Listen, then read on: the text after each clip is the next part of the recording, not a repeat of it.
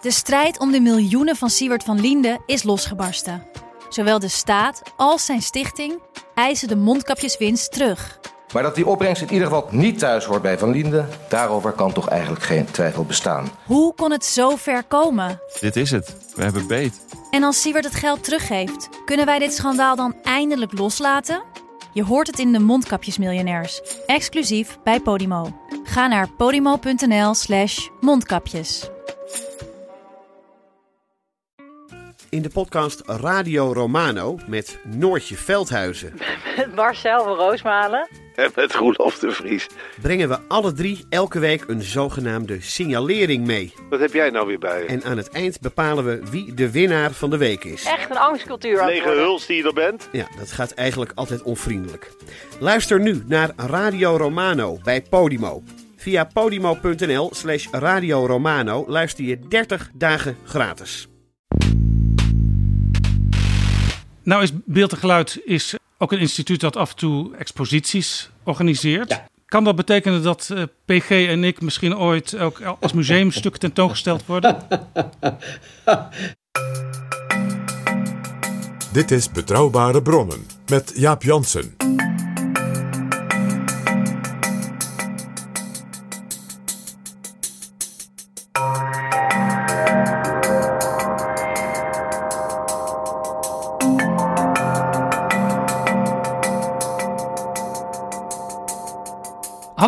Welkom in Betrouwbare Bronnen, aflevering 300. En welkom ook PG. Dag Jaap. 300. We hebben nu twee keer meer afleveringen samengemaakt dan er Kamerleden zijn. Gefeliciteerd PG met deze bijzondere aflevering. 300. En dat jij het zo lang met mij hebt uitgehouden, dat verdient toch ook wel Nou, een ik moet je bijzondere waardering. zeggen, PG, na het eerste seizoen dacht ik, hoe lang hou ik dit vol? maar ja, je went aan elkaar hè. En de waardering die wordt eh, nog steeds groter. Nou, dat is alleen maar mooi. Dat is alleen maar mooi. En lieve luisteraars van Betrouwbare Bronnen, het is voor ons, en dat ik spreek voor mezelf, maar ik denk ook wel voor Jaap, nog alle weken een experiment.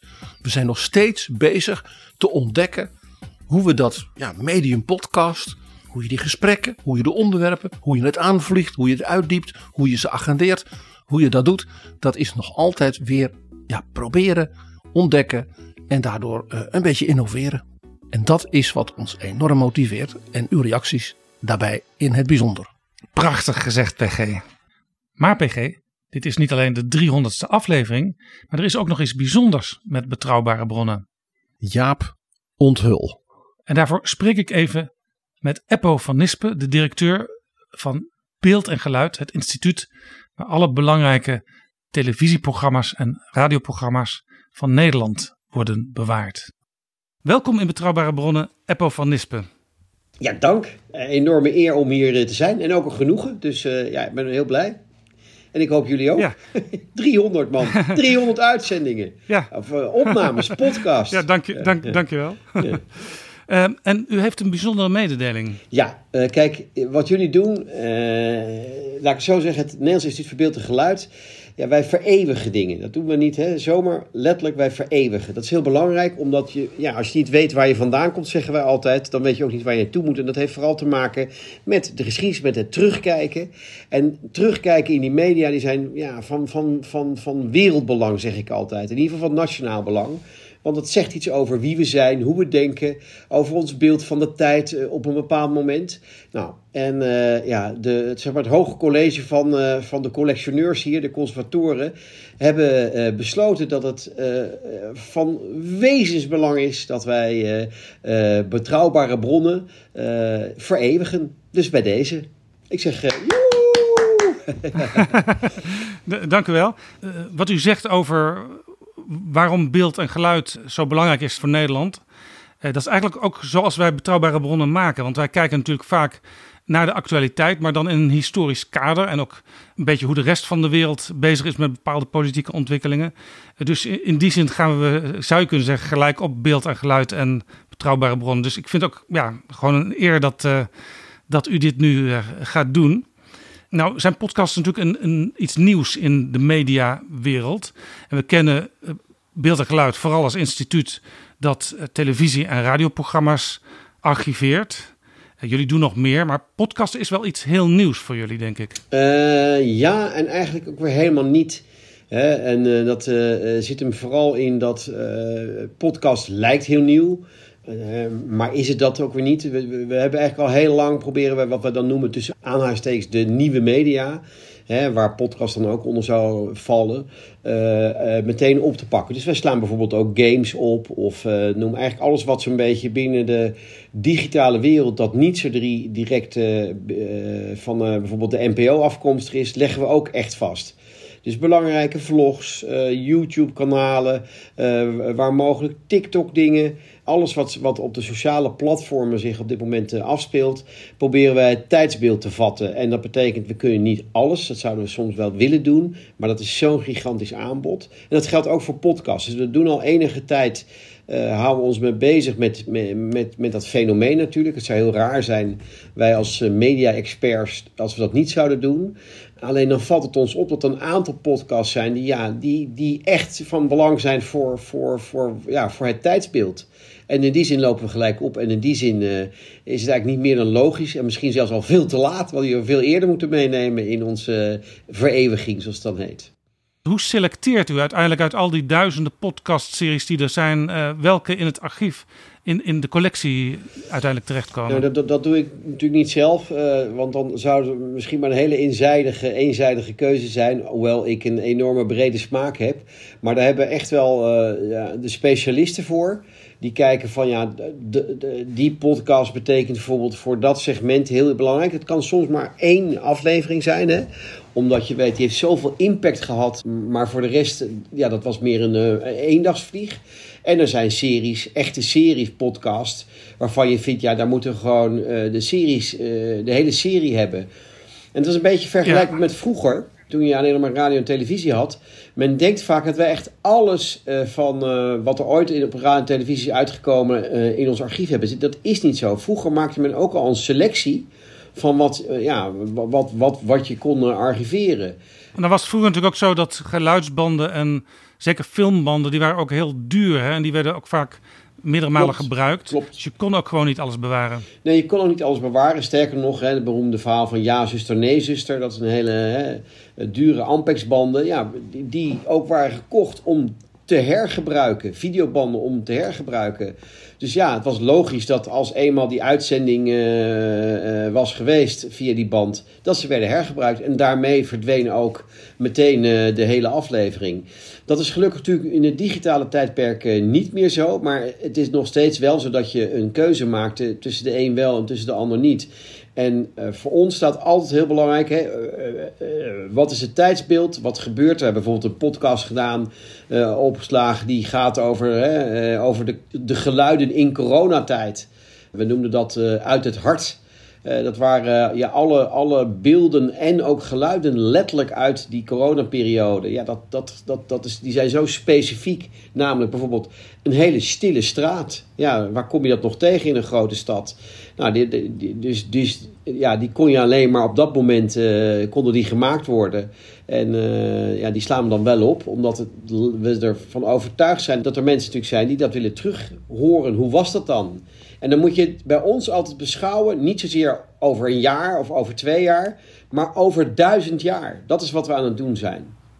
Dus echt letterlijk voor de eeuwigheid? Letterlijk voor de eeuwigheid. Uh, nou is natuurlijk, als je iets voor de eeuwigheid wil bewaren, dan moet je ook een heel duurzame opslag hebben. Ja. Betekent dat dat uw collectie ook bestand is tegen bijvoorbeeld een aanslag of tegen cyberwar? Uh, zeker. Sterker nog, uh, uh, daar maken we ons totaal niet ongerust over. Je moet hier, nou laat ik het zo zeggen, er liggen hier meer dingen opgeslagen waar mensen heel graag via cyber wellicht hun, hun, hand of hun digitale hand op zouden willen leggen. Maar dat is godsnakend onmogelijk. Ja.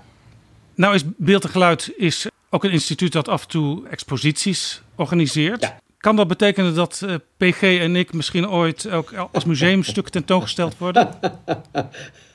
Zeker. En dan ook nog eens een keer voor eeuwig. Dus uh, ik weet niet of je dat wil. We gaan het zien. Ja. Mag ik u hartelijk danken, Eppo van Nispen, directeur van Beeld en Geluid. Ja, en mag ik u namens het instituut nogmaals van harte feliciteren met deze enorme mooie mijlpaal van 300 podcast. En dan ook nog eens een keer die, uh, denken wij, daarom worden die weer vereeuwigd, eh, echt wel van belang zijn voor dat tijdsbeeld. Eh, en wat ik er zelf persoonlijk altijd leuk aan vind, ik probeer het ook wel eens uit te leggen. Ik word ook wel eens wat gevraagd hè, om te duiden her en der over dat archief. Dat er zoveel dingen vaak ja, al eerder hebben afgespeeld in vroeger tijden, die eigenlijk niet heel verschillen van het moment van nu. Hè. Of het nou boerenprotesten zijn of anderszins. En mooi als je dat op de een of andere manier, zoals jullie dat eh, een enige duiding kan geven. Waarvoor buitengewoon veel dank. Hartelijk dank. PG, had je dat gedacht dat betrouwbare bronnen vanaf nu ook tot het nationaal erfgoed zou gaan behoren? Ik ben letterlijk er helemaal stil van. Ik vind het een enorme eer. En uh, jij als de host van Betrouwbare Bronnen hebt dat ook verdiend, Jaap. En jij ook als het brein van al die prachtige verhalen. Dankjewel, Jaap. Aflevering 100 die ging over Europa. De lusten en de lasten. En hoe Nederland naar Europa kijkt. En altijd moppert en het altijd beter weet en altijd argwanend is. Maar uiteindelijk ook altijd weer meedoet. Want ja, zonder dat Europa en de handel en de contacten zijn we natuurlijk niet dat geweldige rijke land uh, dat we toch allemaal zo graag zijn. En aflevering 200 ging over Machiavelli. En voor dat heugelijke moment was speciaal de Volkskrant erbij gekomen om een verslag te maken van die opname. Heel wat luisteraars zeiden zo. Kan er niet eens een keer eentje zijn over Machiavelli? Want die naam die valt altijd. Maar ja, daar valt vast wel iets over te vertellen. Nou had ik dus net toevallig, Jaap, jij weet dat nog, dat ongelooflijk dikke boek van die Britse historicus. Uh, ja, die zeg maar twintig jaar lang in de archieven in Italië en overal was gedoken. En een fantastisch nieuw, gedetailleerd, ja, verrassend beeld van Machiavelli en zijn wereld en zijn tijd had geschilderd. Ja, ja dus toen was die 200ste aflevering, dat, ja, dat schreef zichzelf. En dit is ook een voorbeeld, PG, Machiavelli.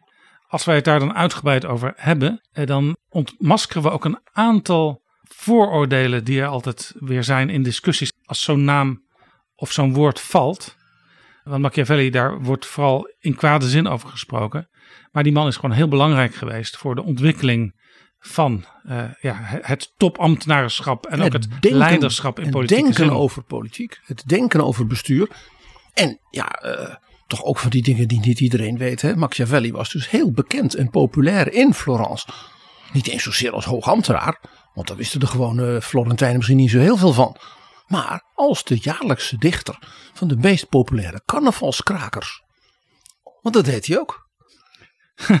Waar zullen we het deze keer over gaan hebben in aflevering 300, PG? Ik wou het over zo'n ander echt Nederlands ding hebben. Waar in de Nederlandse politiek, de Nederlandse cultuur, eh, toch altijd weer naar verwezen wordt. En dat is het vingertje. Het, het Nederlandse vingertje van wij weten wat goed voor u is. Wij weten wat goed is voor de wereld. Nederland, gidsland. Het land van de morele superioriteit. Ik ben heel benieuwd, PG. Maar eerst, we hebben weer een aantal nieuwe vrienden van de show. Mensen die met een donatie nog veel meer mooie afleveringen mogelijk maken. Nou Jaap, ik ga heel diep ademhalen, want er zijn er zoveel. Rob, Rijk, Tineke, Johan, Willem Jelle, Bart, Eelco, Noor en Hidde. Huh. En dat zijn mensen die zich voor langere tijd aan ons verbinden. Althans, dat hoop ik natuurlijk. Eh, maar er zijn ook mensen die denken, nou, dat is misschien een beetje veel gevraagd, maar een losse donatie kan wel. En dat zijn er ook een aantal. En het een hoeft het ander niet uit te sluiten bovendien, Jaap. En dat is ook een hele lijst, dus ik haal weer diep adem. Thijs Jan, Ger en Tony, Menno, Bart, Erik, Edith en Alex. En als je vriend bent, en uh, waarom zou je dat niet nu nog meteen worden? misschien al tijdens de aflevering, dan kun je meedingen naar een boek wat wij uh, in deze aflevering ook aan de orde zullen stellen. En daarover vertel ik meer aan het einde van de aflevering. En leuk voor vrienden van de show, dat komt vaker voor als wij met schrijvers, met bijzondere mensen gesprekken voeren. En zoals ook onlangs een hele mooie co-productie met het Concertgebouw in Amsterdam. Dus word vriend van de show. Maak ons mogelijk nog meer dan 300 te doen. En uh, af en toe neemt u er ook wat van mee. Dan ga je voor naar vriendvandeshow.nl slash bb. Dit is Betrouwbare Bronnen. PG, Nederland heeft een heel positief zelfbeeld. En dat, dat weten ze in de wereld. Want af en toe hoor je de verzuchting, daar heb je die Nederlanders weer met hun vingertje. Ja, we zijn niet alleen graag heel gewoon, zoals we onlangs bespraken met Jan-Willem Duivenbak en Menno Hurekamp. Maar we zijn ook uniek. Nederland ziet zichzelf toch vaak ook als een voorbeeld voor de wereld. En eh, eh, dat willen we ook graag eh, wel laten merken en horen en uitdragen. En daar zit een element in van een zekere ja, morele superioriteit. En sommige mensen zeggen dan wel eens als een zekere hooghartigheid in. En dat voor zo'n klein land. Een stipje op de wereldkaart. En we doen dat al eeuwen, Jaap. Zullen we eens samen gaan kijken waar dat nou vandaan komt? Ja. En of daar misschien wel voorbeelden van zijn van vroeger en ook van nu, waar we misschien zelf niet altijd alert op zijn. Misschien heeft Nederland ook wel een beetje gelijk. Want wij waren natuurlijk wel PG, de Eerste Republiek. We waren in het Europa van de moderne tijd de eerste republiek. Even los van natuurlijk de zeerepubliek als Venetië en Genua. En natuurlijk Zwitserland. Maar de republiek van hè, wat wij dan noemden de Gouden Eeuw. Was natuurlijk iets heel bijzonders in Europa. Want het was ook een hele machtige en rijke uh, ja, uh, superpower op allerlei terreinen. En dat was natuurlijk Zwitserland of Genua niet. Dus het was ook een staat in het Europa van die tijden van het absolutisme, hè, van de grote vorsten, die dus zich enorm ja, in de kijker speelde, om maar zo te zeggen, letterlijk en figuurlijk op wereldschaal opererend, en heel anders was dan de andere ja, vorstendommen en imperia van die tijd. Ja, je kunt dus gewoon wel objectief vaststellen dat Nederland als republiek een voorbeeld was. Want sindsdien is de republiek eigenlijk een staatsvorm geworden die de modale staatsvorm in de wereld is. Nou ja, die republiek van die 16e, 17e, 18e eeuw uh, was natuurlijk geen moderne democratie. Wat het wel was, was het was een niet-aristocratisch monarchaal land. Dat was natuurlijk het grote verschil. En die stad Amsterdam was niet de hoofdstad waar, ik zal maar zeggen, een Catharina de Grote of Louis XIV een paleis had. Nee, dan had je het stadhuis van de burgemeesters. Dat zag er overigens uit als een nou ja, groot klassicistisch barok bouwwerk. Ja, toen Napoleon kwam, toen heeft hij meteen zijn broer daar als koning ingezet. Ja, dat was het enige gebouw dat een beetje wat leek. Ja, toen moest natuurlijk wel wat balkon eraan komen. Want ja, dat hadden die burgemeesters niet om naar het volk te zwaaien. He, dat, dat, dat, dat stadhuis was een vergaderlocatie. Maar ook natuurlijk voor ja, representatie. Ja, en er gebeurden trouwens ook gruwelijke dingen. Hè? Er werden mensen onthoofd. Zeker, zeker. Want het was natuurlijk ook wel het Europa van die tijd. Waarin de doodstraf usance was. Dus het was een niet aristocratisch, niet monarchaal geregeerd land. Het was daarin dus wat meer, wij zouden nu zeggen, dat was het modernere daarvan, een beetje meritocratisch. Als jij, uh, uh, ja, bijvoorbeeld door goed leren, uh, door je familienetwerk, vaak handelsfamilies, intellectuele families, ja, hoger opkwam, dan had je kans in die republiek op wat wij nu zouden zeggen een carrière. Ja, ja. Je zou en dat was niet omdat je toevallig nou de zoon was of de neef van ja. een of andere groot grondbezitter. Je zou dat predemocratisch kunnen noemen. We zijn trouwens pas natuurlijk heel laat echt een volle democratie geworden in de zin van algemeen mannen- en vrouwenkiesrecht. Zeker. Het was dus een beetje toch ook echt wat meritocratisch in een aantal opzichten. Het was ook particularistisch. Het was dus een land dat niet geregeerd werd, waarbij één vent of vrouw hè, met de knoet uh, de baas was. Dingen die geregeerd werden en geregeld werden op zijn 11 en 30's, oftewel heel langzaam en ingewikkeld en complex. Dat kwam omdat de 11 en 30 de stemmenverhoudingen waren in zeg maar, de, de staten van Friesland. En dus die, die verschillende staten die kwamen dan bij elkaar op het binnenhof hè, met, de, met de raadspensionaris. Denk aan de oude Oldenbarneveld, de gebroeders de Wit. Maar dat was dus een heel particularistisch, sterk geregionaliseerd bestuur. Waarbij men met elkaar, al polderend zouden wij nu zeggen, dat is heel oud dus, eruit moest zien te komen. Ja, heel kenmerkend was dus dat er sprake was van ruggespraak. Ja, er was voortdurend sprake van terugkoppeling naar uh, nou ja, de gemeenteraad van Middelburg en, en van Medemblik. Letterlijk. En tegelijkertijd was die republiek, spreidde zijn vleugels uit over letterlijk de hele aardbol. Met handelscontacten, met eh, eh, ontdekkingsreizigers, om maar zo te zeggen. Die ook altijd weer om gingen kijken van en valt daar voor die republiek wat te verdienen. Nederlands vlag aan verre kust. Dat maakte dus die republiek inderdaad iets waar je zegt van ja, dat was in de wereld van toen wel uniek. En toen, toen is En dat vingertje waarschijnlijk ook begonnen. Hè? Want we legden ons scheepje aan. En we gingen vertellen hoe ze het eh, beter konden doen. Ja, daar kwam bij dat er was natuurlijk nog iets wat die republiek heel apart maakte.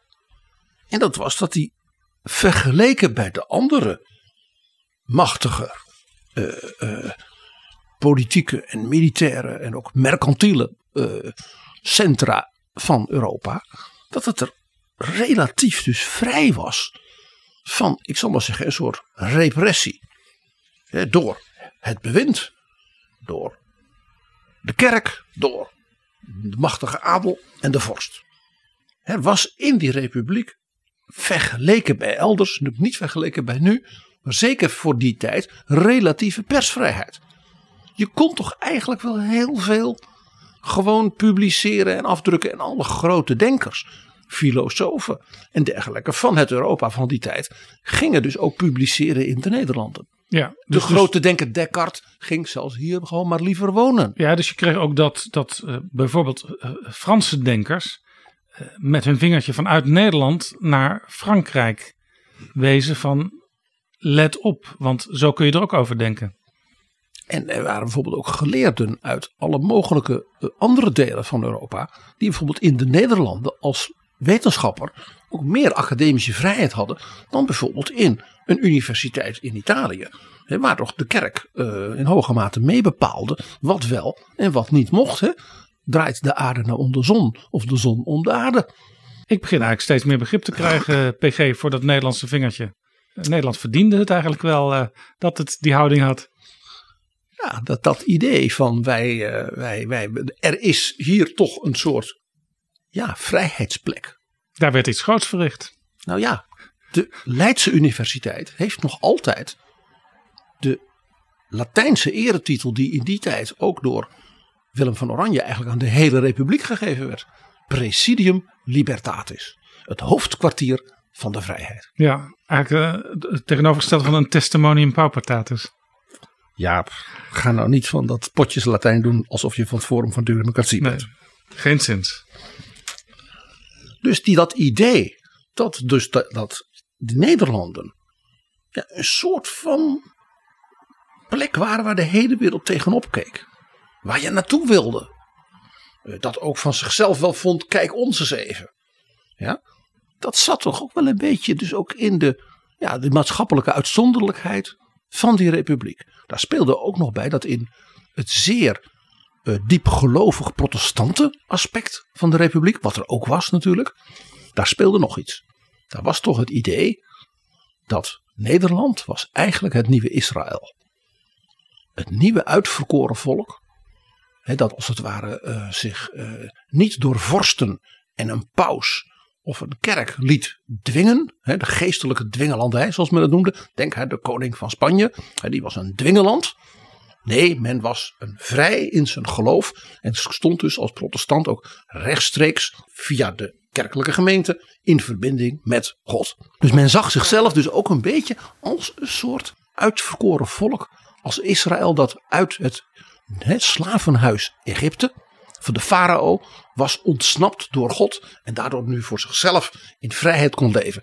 En zo werd ook een beetje gekeken dus naar het, imperium van de Spaanse Habsburgers als ware dat het Egyptische slavenhuis van de farao van de 16e eeuw. Ja, want er gebeuren dus eigenlijk twee dingen die, die enigszins parallel lopen. Namelijk eh, de, de protestanten die zich afscheiden van Rome.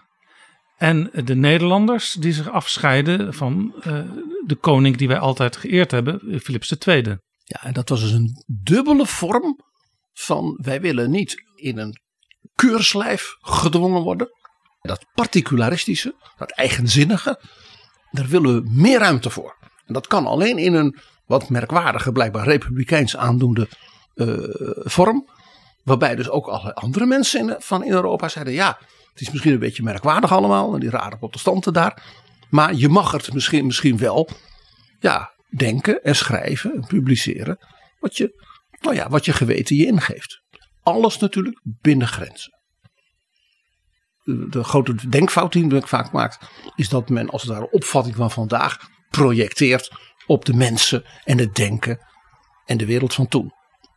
Maar in het licht van de, nou ja, de omstandigheden van toen was die republiek inderdaad een heel apart verschijnsel. Maar PG, aan die republiek kwam ook weer een einde. Ja, eigenlijk is het eind hiervan gekomen in 1787. Niet met de inval en de, ik zal maar zeggen, van de Franse revolutie, maar iets daarvoor. Want in 1787 heeft de koning van Pruisen met een groot leger een inval gedaan in die republiek, omdat zijn familie, de Oranjes, door de patriotten in het gedrang kwamen. En de koning van Pruisen heeft in feite een autoritair Pruisisch bewind ja, geïnstalleerd onder leiding van Oranje in de Nederlanden. Maar dat heeft maar heel kort eh, stand gehouden. Ja, die, die, die, dat konden ze alleen op dat moment niet weten natuurlijk. Stel je voor dat die Franse revolutie twee jaar daarna niet was gekomen. Dan weten wij dus niet hoe dus die republiek zich had doorontwikkeld. En of dat conflict met de Oranjes misschien ook niet had geleid tot, tot heel vergaande, uh, misschien zelfs een eind aan de rol van het Huis van Oranje in die republiek. Ja. Nou, toen het dus eigenlijk heel snel daarna kwam met de Franse revolutie ook ja, het Franse leger. Uh, uh, ja, hè, dat dus de, uh, opma opmarcheerde en de revolutie en de zegening van de Franse revolutie bij, in, naar zijn buren kwam brengen, maar wel met geweld. Laten we er nu omheen draaien. dus ook die Franse tijd ja, was dat niet meer die republiek van daarvoor, dat Presidium Libertatis, maar het was natuurlijk gewoon een vazalstaat. Waarbij eh, Napoleon een tijdje nog zijn broer als koning neerzette. En uiteindelijk gewoon maar zelf deed. Omdat die broer eigenlijk nog te, ja, te, te vriendelijk was naar uh, de, de, Nederlandse bevolking. Napoleon wou nog wat, wat, wat, wat steviger bewinden. Toen deed hij het maar zelf. Die provincies die vroeger ooit de republiek waren. werden gewoon onderdeel van het Empire Français. Ja, in 1813 was dat over. Ja, en toen kwam er iets... ja, dat kennen wij tot de dag van vandaag. Toen kwam het Koninkrijk. Ja, met België erbij. Met België erbij. En de Oranjes uh, uh, als de soeverein.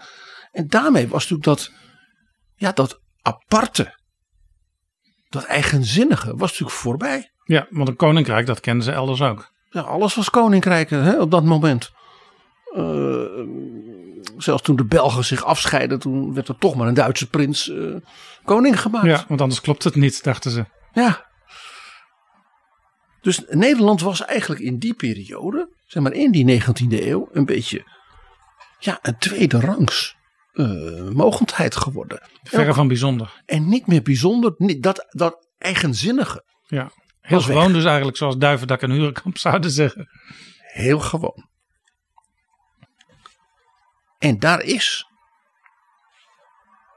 in de tweede helft van de 19e eeuw door allerlei ja, belangrijke culturele, maatschappelijke, politieke ontwikkelingen een hele opmerkelijke verandering in gekomen.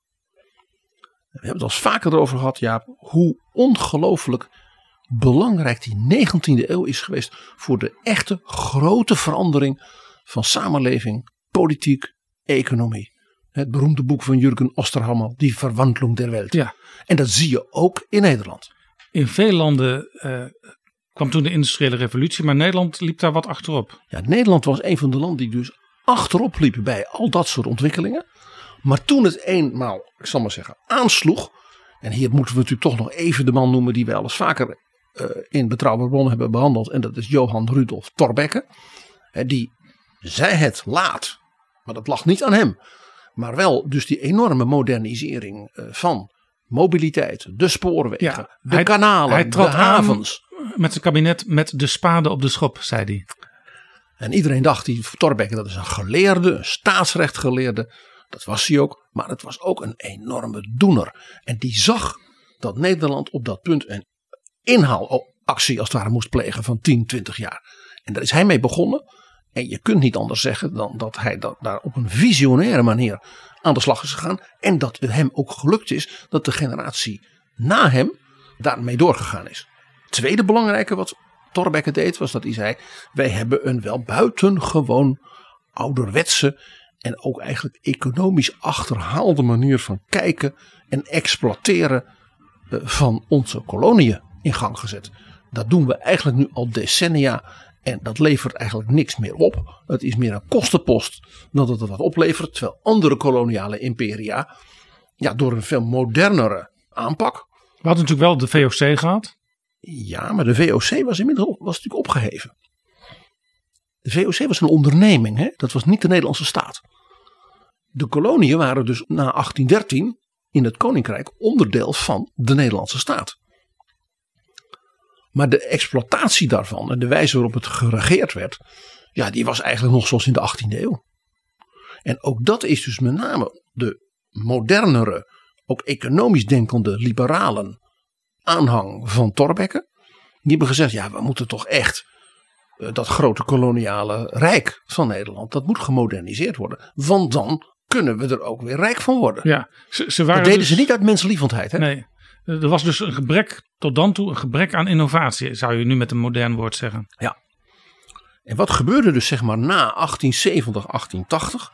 Toen waren er eigenlijk twee nieuwe, hè, door die modernisering van de samenleving, nieuwe elites. Die als het ware de macht in Nederland overnamen. Dat waren de linksliberalen, zeg maar mensen, de aanhangers van Thorbecke na zijn dood. Ja, want Thorbecke in zijn, in zijn nadagen was wat conservatiever geworden. Maar eh, er kwam een nieuwe generatie op en die waren, die waren progressiever. Ja, die namen dus die progressieve aspecten van Thorbecke. De innovator, de, de, de man van, van, van de infrastructuur en dergelijke. Die pakten ze weer op. En er was een tweede belangrijke nieuwe zeg maar, groep in de elite. En dat was, waren zeg maar, de, de protestanten. Die wat wij dus kennen mensen als Abraham Kuyper. Wat later dan de antirevolutionaire partij werd.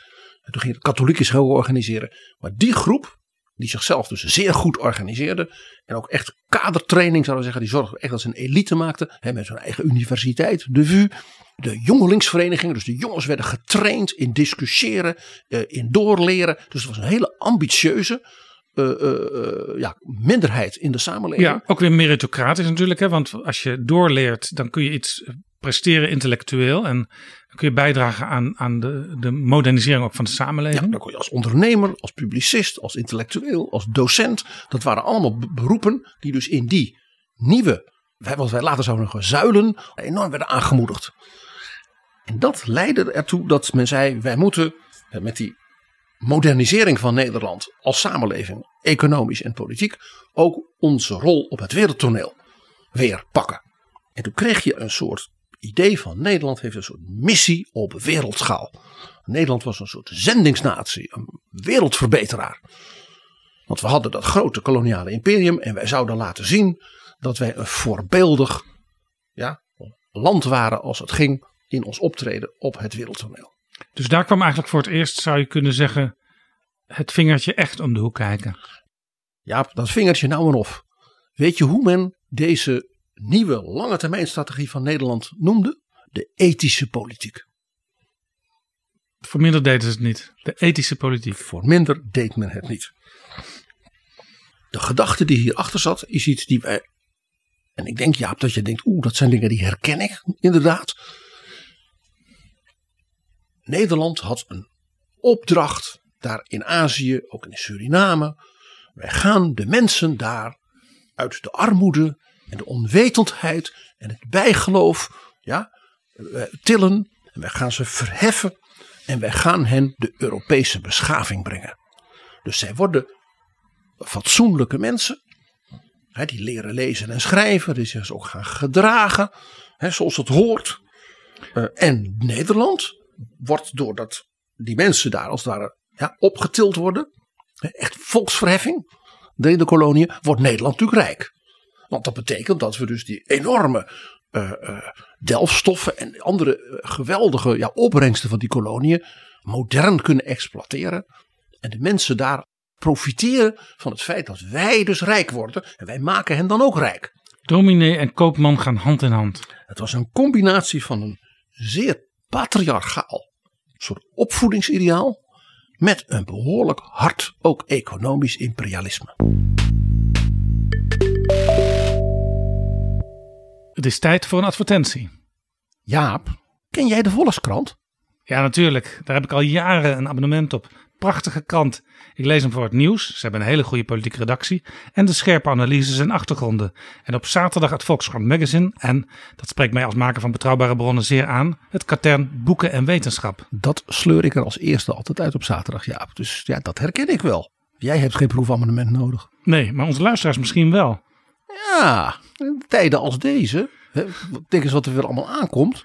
is wel een idee. Wat bieden ze? Politiek nieuws, internationaal nieuws, boeken, wetenschap.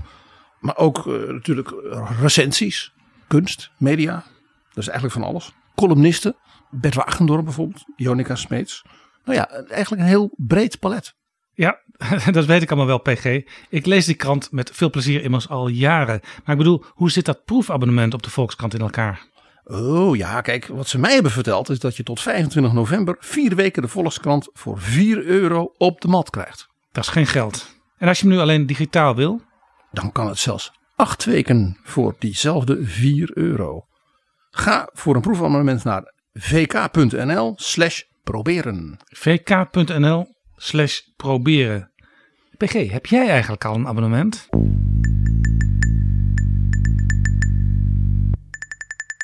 Jaap Jansen en Pieter Gerrit Kroeger duiken in de politieke geschiedenis. In de troonrede van 1901 sprak koningin Wilhelmina van een zedelijke roeping. Nederland moest zijn kolonie laten delen in de verworvenheden van de westerse beschaving. Het moest onderwijs brengen, bruggen bouwen, wegen aanleggen. En hier hoor je dus die combinatie van Torbeckiaanse infrastructuur. Met dus die patriarchale opvoedingsgedachte. En dat is een zedelijke roeping. Dus dat ethische, dat moet je dus ook echt als een, als een, als een, een spirituele opdracht. Echt zendingswerk. Dus die combinatie van, van dus liberalisme, ook economisch liberalisme, maar ook politiek liberalisme. We gaan de mensen daar ook opvoeden naar meer vrijheidsdenken, westerse beschaving. Met dus die protestante aspect van wij komen een zegenrijk werk doen. Ja. Nou, hierover, eh, Jaap, is er heel recent, en dat is een belangrijke inspiratiebron voor mij geweest, voor het bedenken van deze 300ste editie, is het boek van Hans van der Jacht, Engelen uit Europa, over AWF Idenburg en de moraal van het Nederlands imperialisme. Alexander Willem Frederik Idenburg. Ja, en Van der Jacht heeft een werkelijk monumentaal boek over Idenburg geschreven. De persoon Idenburg, maar ook hij is de belichaming van deze manier niet alleen van denken. Het was ook een zeer, zeer gedegen politiek denker. Maar hij was ook een doener. En daarin lijkt hij dus heel erg op Thorbecke. Zowel een denker als een geweldige doener. Idenburg is niet alleen minister geweest in meerdere kabinetten. Hij is de enige die drie keer minister van Koloniën is geweest. En dan zou je denken, nou dat zet al een enorme stempel op het regeringsbeleid. Maar nog veel belangrijker, hij is de enige ook die zowel de gouverneur was van de kolonie Suriname. En daar dus een enorme ja, moderniseringsslag als eerste maakte. En als gevolg van zeg maar, zijn roem daar, vervolgens werd benoemd tot gouverneur-generaal van Nederlands-Indië.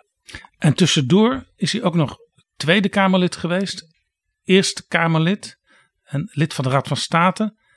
En, dat zal Balken interessant vinden, minister van Staat. Uiteindelijk is hij ook als minister van Staat heel actief geweest, want hij is heel oud geworden. En heeft eigenlijk tot zijn dood voor en achter de schermen een hele belangrijke rol in Nederland gespeeld. En ik lees in het boek van Hans van der Jacht dat de jonge Willem Drees, stenograaf in de Tweede Kamer, Idenburg hoorde spreken. Telkens viel hem op hoe bedaard, mild en met hoeveel kennis van zaken deze bewindspersoon de Kamer te woord stond. Drees omschrijft Idenburg als een der sympathiekste figuren binnen de verder stijve en principiële fractie van de antirevolutionaire partij. Interessant dus dat, Idenburg dat was- de jonge Drees, die, die viel eigenlijk al helemaal voor de figuur Idenburg. En Drees was een jonge linkse ambtenaar. Die eh, mensen als Idenburg, die toen echt al op hoge leeftijd was, eh, natuurlijk eigenlijk v- vreselijk moest vinden, hè, zou je zeggen. Ja. Maar Idenburg was bijvoorbeeld ook om een idee te geven hoe, wat voor een bijzondere persoonlijkheid het was. Hij was dus echt een vriend van Abraham Kuyper. Ja, en, En- en, ook een vriend van koningin Wilhelmina, die slecht overweg komt met Kuiper. Ja, en dat was, dat was een berucht hoe, hoe die met, met elkaar omgingen. En Idenburg was iemand die had een zodanig karakter dat hij met beide goed om kon gaan. En hij was ook een beetje de ja, leermeester en eh, collega van Hendrikus Colijn.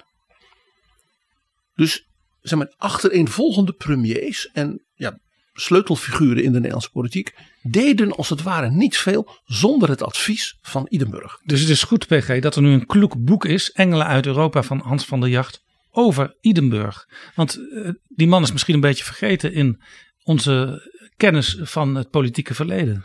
Ja, en zi- zijn rol in, zeg maar, de, ja, in zeg maar, het koloniaal bewind is dus absoluut cruciaal. Want hij is dus de man geweest die dus dat idee van de ethische politiek, als het ware concreet ging toepassen. Eerst ja, als een soort experiment in Suriname en daarna in nog veel krachtiger experimentele wijze in dat reusachtige koloniale imperium in de Oost. Ja, heel interessant was dat hij ook onderwijs belangrijk vond. Eh, Er kwamen Dessa-scholen, maar ook meisjes gingen naar school. Want, zei Idenburg, een ontwikkelde vrouw brengt ontwikkelde kinderen voort. Nou, dat was echt die, wat ik al zei, dat patriarchale opvoedingsideaal.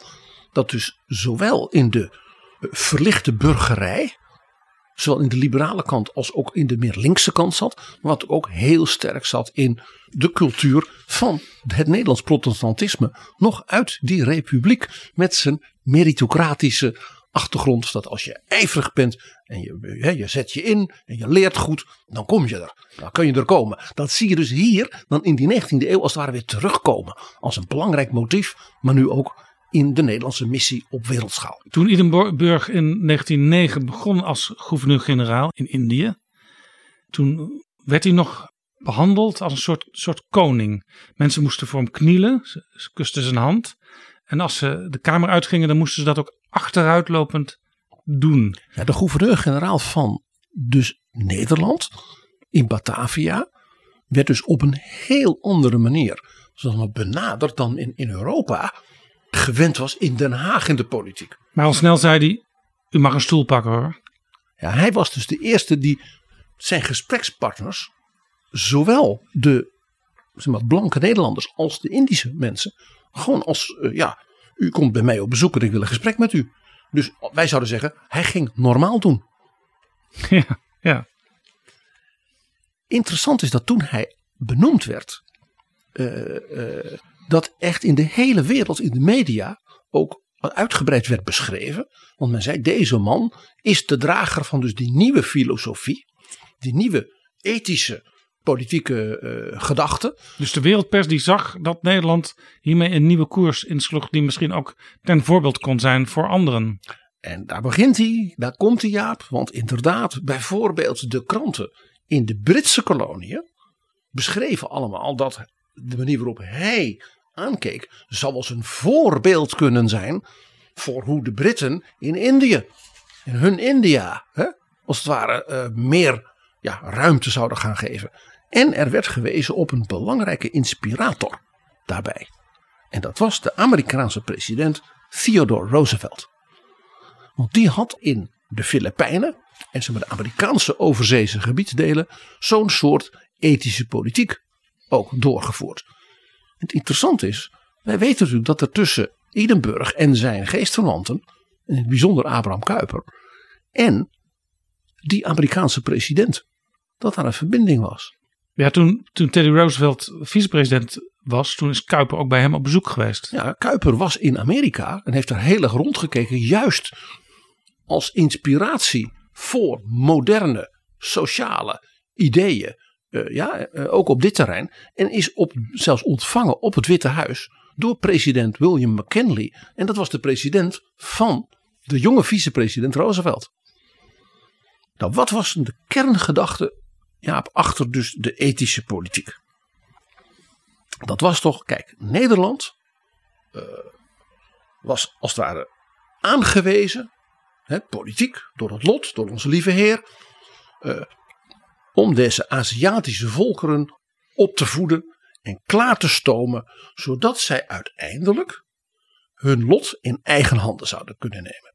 Ja, dus Iederburg heeft ook gezegd: wij gaan toegroeien naar een bewind waarin ook de Indiërs mee gaan praten en mee mogen doen in het besturen van die enorme archipel. Ja, in dus 19... hij, hij, begon ook met een zogenaamde volksraad. In 1919 schreef Idenburg: Wat zou Indië zijn zonder Nederland? Een economisch en intellectueel achterlijk land, gebogen onder Aziatisch despotisme, ten prooi aan de roofzucht zijner omgeving.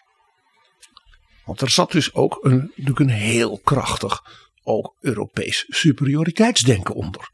Wij zijn geroepen deze mensen dus op te tillen uit het despotisme, uit achterlijkheid hè, en dat soort uh, termen. En uiteindelijk, als dan de Aziaten opgevoed waren in de westerse beschaving, dan zouden zij ja, een soort partner worden in dus dat prachtige Nederlandse ja, imperium. Een federaal Nederland. Ja, een federaal Nederland. En ze zouden een soort model-elite gaan vormen. dus de Indische elite die door Nederland zou worden geëuropeaniseerd en opgevoed. En ja, daarmee kon je dan als land samen met de, Indische onderdanen, want die termen vielen natuurlijk nog altijd nog, nog een groot en mooi en machtig. En daarmee natuurlijk een voorbeeld voor de wereld zijn. Dat klinkt natuurlijk goed. Voor die tijd. Maar ja, Jaap, willen die mensen wel opgevoed worden? Want tegelijkertijd merkte Edinburgh al heel snel ja, dat, dat er ook heel veel krachten waren in dat reusachtige imperium. Waar men natuurlijk vanuit Den Haag of vanuit zijn kantoor in Batavia weinig of geen greep op had. Ja, sowieso waren er in Den Haag weinig mensen die echt heel veel wisten van Indië. Want toen Edinburgh Kamerlid werd, dat was dus nog voordat hij gouverneur-generaal werd.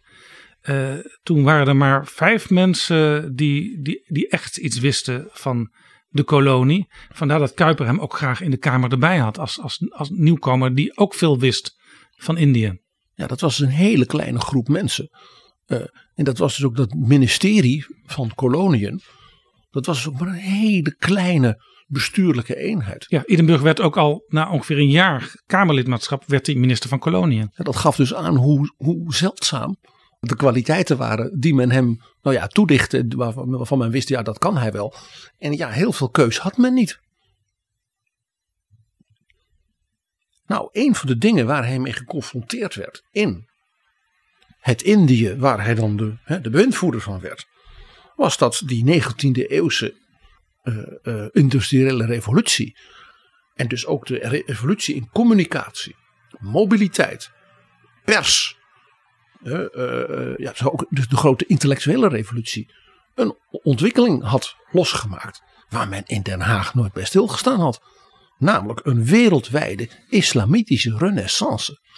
Van bewust en zeg maar moderner uh, moslimgeloof. Om je een leuk voorbeeld te geven, wat natuurlijk helemaal nieuw was. Maar dat kon in die tijd, zeg maar na 1880, 1890, konden er dus hele grote groepen ook in Nederlands-Indië, maar denk ook aan Brits-Indië en eigenlijk overal in de Arabische landen, die konden met een stoomschip op de Hajj naar Mekka. Dat werd ineens een wereldwijd fenomeen. Daar gingen mensen voor sparen en dan gingen ze daarheen. Dat was onderdeel natuurlijk van een soort ja, geloofsopwekking onder de, de moslims wereldwijd. Eerder in Betrouwbare Bronnen hebben we het eens een keer gehad over Christian Snoek Oegronje, Leidse islamkenner. Die zelfs zich uh, tot, tot moslim liet, liet bekeren om beter contact te hebben uh, met de mensen bijvoorbeeld in Mekka, om daar ook ter plekke te kunnen zijn. En hij sprak ook met Edinburgh over die ontwikkelingen. Ja, die twee hadden een voortdurende dialoog, omdat Edinburgh heel goed wist dat Snoek ja, meer begreep en ook meer zelf ja, had, zich had verdiept in de islam dan wie dan ook in Europa.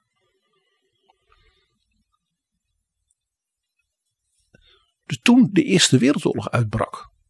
En Turkije, wat formeel natuurlijk de heerser waren in Mekka. De sultan. Heeft dus Edinburgh onder het mom van nationale veiligheid. En de veiligheid van de scheepvaart. Uh, afgekondigd dat de mensen vanuit Indië niet meer naar Mekka mochten. Ja, want die sultan die vond eigenlijk dat alle andere geloven ja, een kopje kleiner moesten worden gemaakt. En dat uh, de islam wereldwijd moest heersen. Ja, dat was dus een, een, een, soort, een soort revolutie in de islamitische wereld. Die dus mede mogelijk werd gemaakt door die 19e eeuwse, hè, die verwandeling der. Die enorme modernisering van transport, contact. Uh, denk aan Ja. de telegraaf. En Denk was er dus schepen. bang voor dat mensen vanuit Indië eh, naar die Hajj gingen. En dan radicaal zouden terugkeren. Want zijn idee was, hij, hij was natuurlijk zelf ook zeer eh, godsdienstig, maar dan protestant. En hij had ook wel bewondering voor de islam als godsdienst. Maar hij was bang voor de politieke islam. Ja, hij zei die, die mensen komen eh, als een overtuigd gelovige terug. Dat heeft op zichzelf ook hele mooie elementen. Maar als dat natuurlijk politiek wordt, een soort wereldwijd omspannende revolutie tegen het Westen en tegen Europa, ja, dan zijn we in last. Tegelijkertijd was er mede door diezelfde ontwikkeling van Europeanisering, dus dat die opvoeding, dat opvoedingsideaal, was er een hele groep jonge Indonesiërs ontstaan die in feite liberaal nationalisten waren. Die dachten Europees, die waren ook Europees gekleed, die hadden eh, in Leiden gestudeerd, en die hadden, ja, maar die zeiden ja, als die Nederlanders ons dus nu willen opvoeden, zodat we dan zelf ons kunnen gaan regeren, wanneer is dat dan aan de beurt? Ja, en eh, wij, wij weten al ongeveer hoe het moet, want dat hebben wij in het Westen geleerd. Alleen dat willen wij nu met, met Indische eigenschappen gaan toepassen. We willen onszelf kunnen zijn en onszelf regeren. En we willen dus af van die autoritaire Hollandse eh, eh, eh, manier van hoe wij behandeld worden. Goed, we hoeven nou niet meer te buigen en, te, en achterover hè, als de gouverneur komt. Hè, als hij, we kunnen op straat nu zelfs een hand geven. Dat was in die tijd ook al iets heel bijzonders. Maar dat is natuurlijk alleen maar dat is PR, zeiden ze. We willen eigenlijk een, nou ja, een vrije Indische natie worden. Dus ze zagen dat het opvoedingsideaal, ja, dat had ook natuurlijk wel weer zo'n zo'n zo'n zo'n zo'n gevolg gehad. Waar men niet op zat te wachten. Ja, de emancipatie die leidde dus in potentie tot revolutie. Dus wat gebeurde er? Was dat men, ja, die jonge nationalisten, die eh, ja, ongeduldig waren en de beschaving die Nederland bracht. Natuurlijk zeiden van, ja, mag het dan allemaal een beetje sneller, mogen we er voortaan vooral zelf over beslissen. Dat die werden aangepakt. Dan werd, werden ze hun krant verboden of dan werden ze weer. Ja, dus er was echt een ouderwetse, zouden wij zeggen, autoritaire repressie. Wat zo ver ging dat bijvoorbeeld eh, in Suriname de jonge intellectueel Anton de Con, die werd dus verbannen. Die mocht niet meer in Suriname wonen. Hij kon beter in Nederland gaan wonen, was het idee. Ja. Daar waren wel meer linkse types. Daar kon hij dan misschien wel eh, mee samenwerken. Maar dan had je geen last van hem in Paramaribo.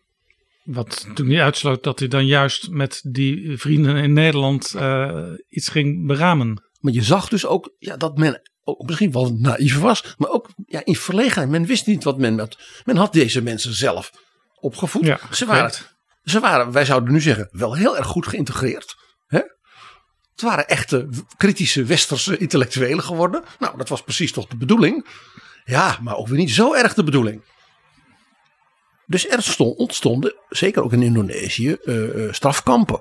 Er werden mensen gedeporteerd naar kleine eilandjes ver weg in de buurt van Nieuw-Guinea.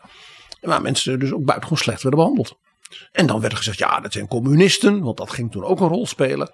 Dus er ontstond onder de vlag van we brengen beschaving, opvoeding, eh, aandacht voor dat die mensen volksreffing krijgen, ontstond er een hele merkwaardige tegelijkertijd repressiekant van dat bewind. Ja, ja, er werd trouwens ook snel geroepen dat zijn communisten. Vanuit het idee dat andere landen, met name de Verenigde Staten, dan ook begrip hadden voor ja, dat je ze tegen probeerde te gaan. Ja, men zei dus dan van dit is eh, eh, eh, niet omdat wij koloniale slechterikken zijn.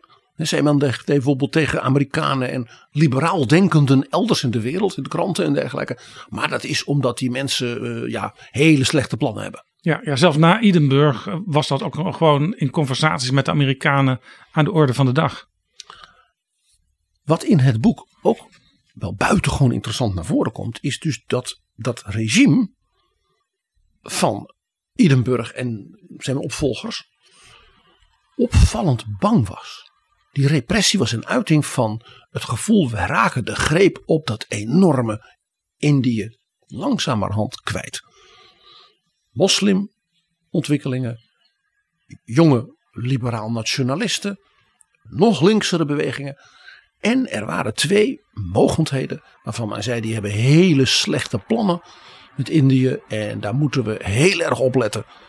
Uh, dus er was ook een enorme spionageactiviteiten en dat waren Japan en Duitsland. En Japan, dat, daar speelde natuurlijk Jaap, we hebben het in betrouwbare bronnen eerder behandeld, de verpletterende nederlaag van de tsaar van Rusland tegen Japan in 1905.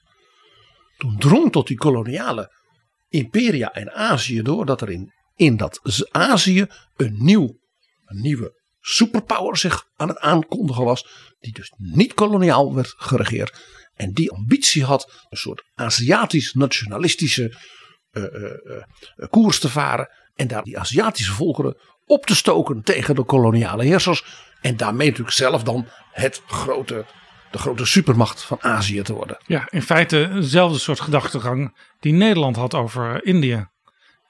jullie kunnen je emanciperen, maar het moet wel onder onze leiding gebeuren. Waarbij dus de Japanse attractie was, dat was een authentiek Aziatisch iets.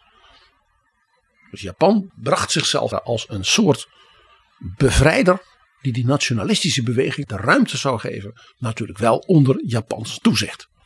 Precies. Duitsland, daar speelde iets anders. Dat was natuurlijk de rivaliteit tussen het Britse empire en de opkomende Duitse macht van het keizerrijk, dat ook zijn grote vloot ging bouwen en ook zei, wij willen onze plek onder de zon. De Duitsers die zeiden, wij moeten ook koloniën hebben. En een van de ideeën die toch heel duidelijk dat was, was strategie was. Want men zei, wij zouden eigenlijk dat Nederlands-Indië.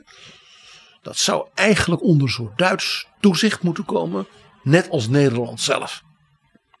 Uiteindelijk zou Nederland een soort vazalstaat moeten zijn van het Duitse keizerrijk. En dan zou Duitsland als het ook de greep krijgen op de enorme rijkdom van de koloniën.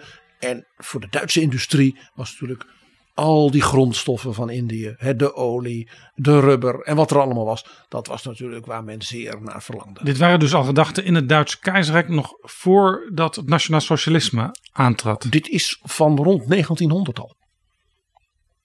Dus dit waren lange termijn ja, risico's. Maar dus dat Nederlands koloniaal bewind in Batavia, met een man als Idenburg, naarmate de tijd verschreed, steeds banger voor werd. Ja. Men voelde steeds meer druk op het idee van, zullen wij Indië nog wel kunnen houden over 10 jaar, dus over heel interessant, 20 jaar, Idenburg over 30 jaar. trad aan als gouverneur-generaal in 1909, dat hij ter plekke dit nog waarschijnlijk veel meer voelde dan je in Nederland als minister van Koloniën zou merken. In Den Haag was men hier natuurlijk niet zo heel erg mee bezig.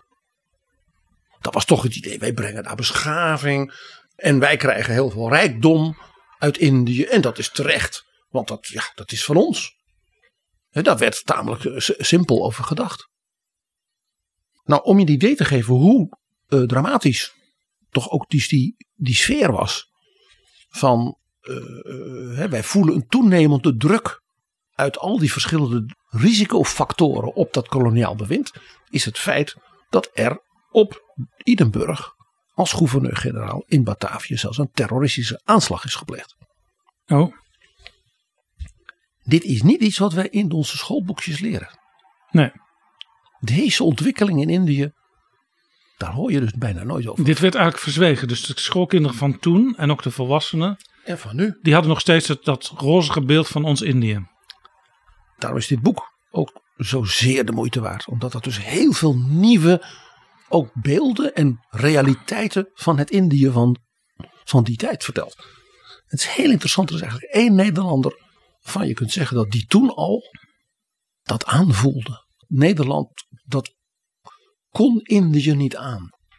Dat is natuurlijk Louis Couperus. Louis Couperus, zo, zo ik iets ben, ben ik een Hagenaar. Ja, zijn Indische romans, die hebben eigenlijk allemaal dat als thema.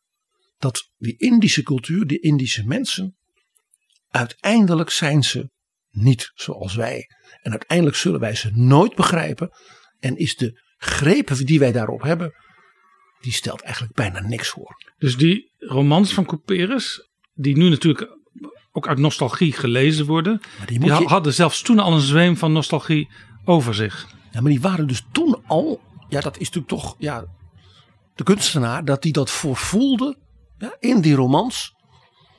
Wat als het ware de toekomst zou zijn. Dat is heel, heel opmerkelijk.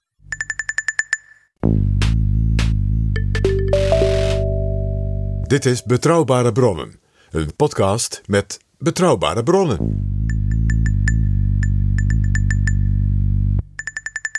Nou hebben we het dus nu over Edinburgh, en we hebben het over Indië en over Suriname. Maar dat idee van die roeping van Nederland, die zedelijke opdracht van de koningin, ja, dat ethisch imperialisme, dat deed Nederland ook in Europa.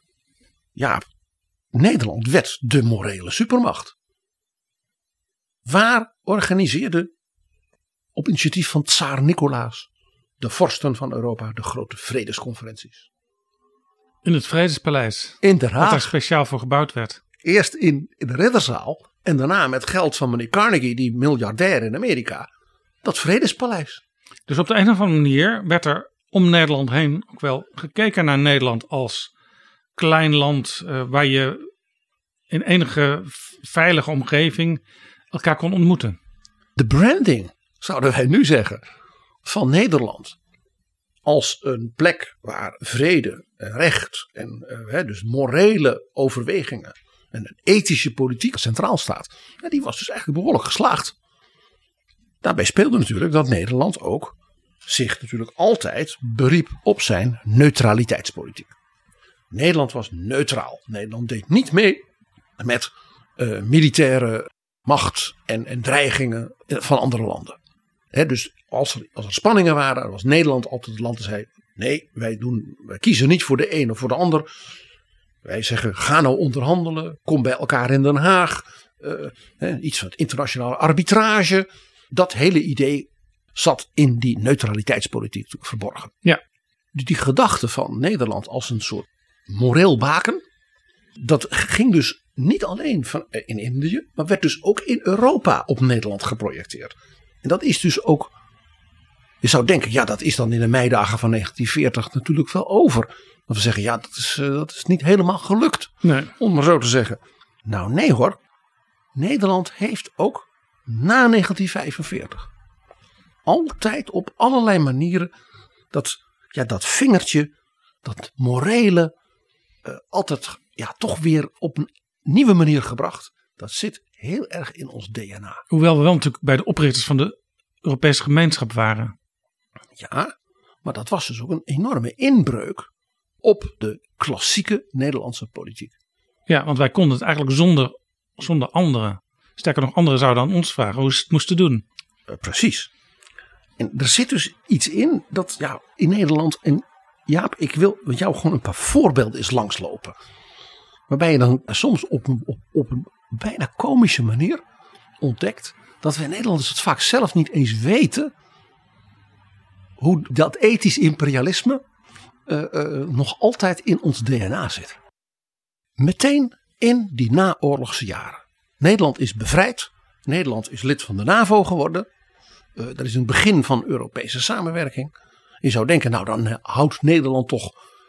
Ja, maar neemt afscheid van dus die oude manier van denken. Van die neutraliteit. Helemaal niet. Weet je nog, Jaap? Wie hield ook alweer toespraken vol vredesboodschappen in Washington, in het congres? Koningin Juliana, geïnspireerd door haar gebedsgenezeres, die ze weer voor haar dochter had binnengelaten, Geet Hofmans. I'm grateful to be invited to speak to you as once my mother did. to you, the elected representatives of the American people. And I do so, first of all, because of the gratitude my husband and I and all of the Netherlands people feel for the wonderful welcome given to us by your country, which calls itself rightfully the land of the free and the home of the brave in this its very sanctuary. Dat waren neutralistisch aandoende, want dat was het verwijt wat werd gemaakt.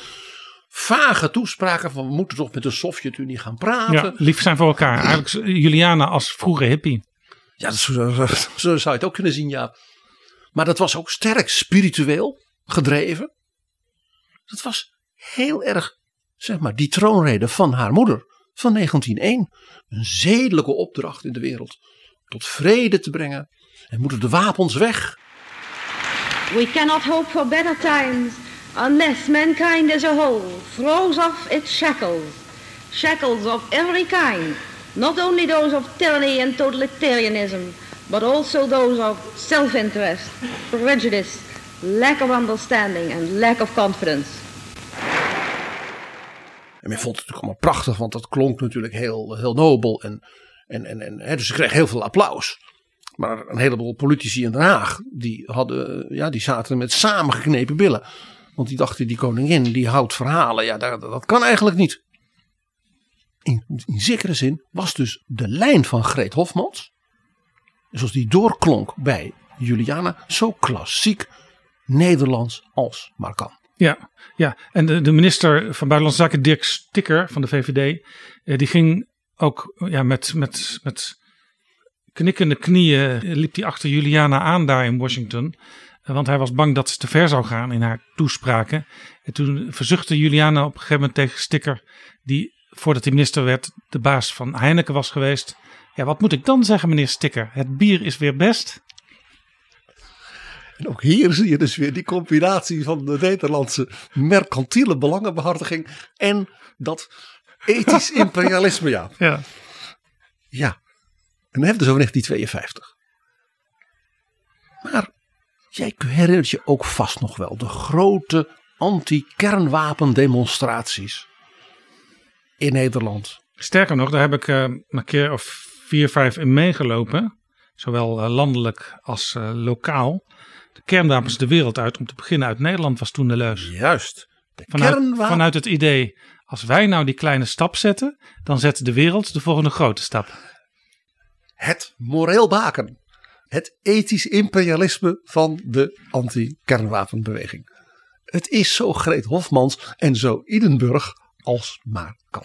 Wat ik me ook kan herinneren toen prinses Beatrix zich ging verloven en uiteindelijk ook ging trouwen.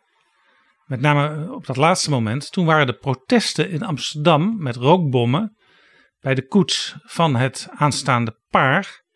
Want mensen hadden iets van ja, onze aanstaande koningin trouwt met een Duitser. Dat kan helemaal niet zo kort na de oorlog. En bondskanselier Kool, die heeft dus een enorme confrontatie meegemaakt in een Nederlandse televisiestudio, waar die frontaal werd aangevallen. Was fällt Ihnen ein, wenn Sie an Deutschland und die Deutschen denken? Mijn vader is ermordet in de Krieg door de nazi's. Ich danke Ihnen für die Antwort und für die Erinnerung, die hier in Gesprächen immer wieder aufkommt, obwohl die Zeit schon so lange her ist. Aber ist das die einzige Erinnerung von Niederländern, wenn Sie an Deutschland denken? Dort ist jemand. Darf ich mal bitten? Vielleicht sagen Sie Ihren Namen dazu. Ja, mein Name ist nicht so wichtig, aber ich denke an Deutschland und dann denke ich oft an Isolationsfolter. Ja, gut. Gibt es noch weitere Antworten? Bitte. Ich bin in die nächsten Jahre vielmal in Deutschland gewesen und dann denke ich an das Radikalenerlass zum Beispiel und was heute in Deutschland geschehen wird. Auf Ulrike Meinhof und Andreas Bader, das ist Schweinerei. Ja. Äh, ein schwieriger Einstieg in diese Sendung, aber das ja, ist. aber wir sollten es aber machen. Ja, wir sollten das nicht stehen lassen. Nicht stehen ich. lassen, Nein. nein. unter gar keinen Umständen. Dr. Kohl, Jetzt frage ich aber auch Sie, was fällt Ihnen denn in erster Linie ein, wenn Sie als deutscher Repräsentant an die Niederlande denken? Nun, Herr Abel, zunächst natürlich schon unsere gemeinsame Geschichte. Und das, was eben in den ersten Fragen aufklang, auch den schlimmsten Teil unserer gemeinsamen Geschichte aus der jüngsten Geschichte. Aber auch an dem Beitrag der Holländer zur europäischen Identität, dieser unbeugsame Freiheitsdrang, gepaart mit einem aus dem Religiösen kommenden besonderen Verständnis van Toleranz. Dat is alles Holland. Op een gegeven moment was er zelfs een actie van de KRO op de radio. om allemaal boze uh, uh, kaarten aan de bondskanselier te sturen. omdat er aanslagen in Solingen waren geweest, extreemrechtse aanslagen. Later is Kolen zelfs een keer heeft een soort kleine cursus gehad over hoe werkt dat nou met die Nederlanders? Waar, waarom doen ze altijd ja, zo ethisch? Daar komt, komt het eigenlijk op neer. Ja, dat ook hier. Daar zat natuurlijk een heel diep moreel superioriteitsdenken in van de Nederlanders ten opzichte van hun oosterburen. En uh, ook Duitsers die Nederland zeer welgezind zijn, kunnen daar soms ook wel eens hele cynische, soms wel bittere herinneringen uh, over vertellen. Ook dat zit heel duidelijk in de Nederlandse cultuur. Ook dat is dat vingertje. Wij weten het beter dan jullie en de wereld gaat naar ons luisteren. En bij ons begint dus het einde van de kernwapens. Jawel. Maar denk eens aan het Oekraïne-referendum, ja. Het referendum over de, het verdrag waarmee Oekraïne ja, geassocieerd zou worden met de Europese Unie. In Nederland waren het een heleboel mensen die wisten dat veel beter. Dat Oekraïne, dat is corrupt. Die mensen deugen niet. Die horen helemaal niet bij Europa. Bij ons, ik noemde hem al, Jan Roos. Hij is initiatiefnemer van het referendum. Dit is een heel uh, serieuze uh, situatie. Maar waarom maak je je daar druk om? Nou ja, goed. Uh, in eerste instantie is Oekraïne een verscheurd land. Ja. Daar is ook een burgeroorlog gaande. Liever gezegd, in die burgeroorlog hebben 200 van onze landgenoten hun leven verloren. Die burgeroorlog heeft mede te maken met het associatieverdrag van de EU. En niet alleen met het associatieverdrag. Maar ook bijvoorbeeld met het optreden van Guy Verhofstadt en Hans Verbalen op het Maidanplein. Die daar de boel nog eens even hebben opgestookt. Moeten wij een land in burgeroorlog richting de EU trekken? Daar is ons antwoord nee op. En zo simpel is het. Sterker nog, Oekraïne kan veel beter neutraal blijven. Als een soort bufferstaat, zodat dan Rusland zich niet bedreigd voelt door ons. En dan hebben wij daar ook niet zoveel last van.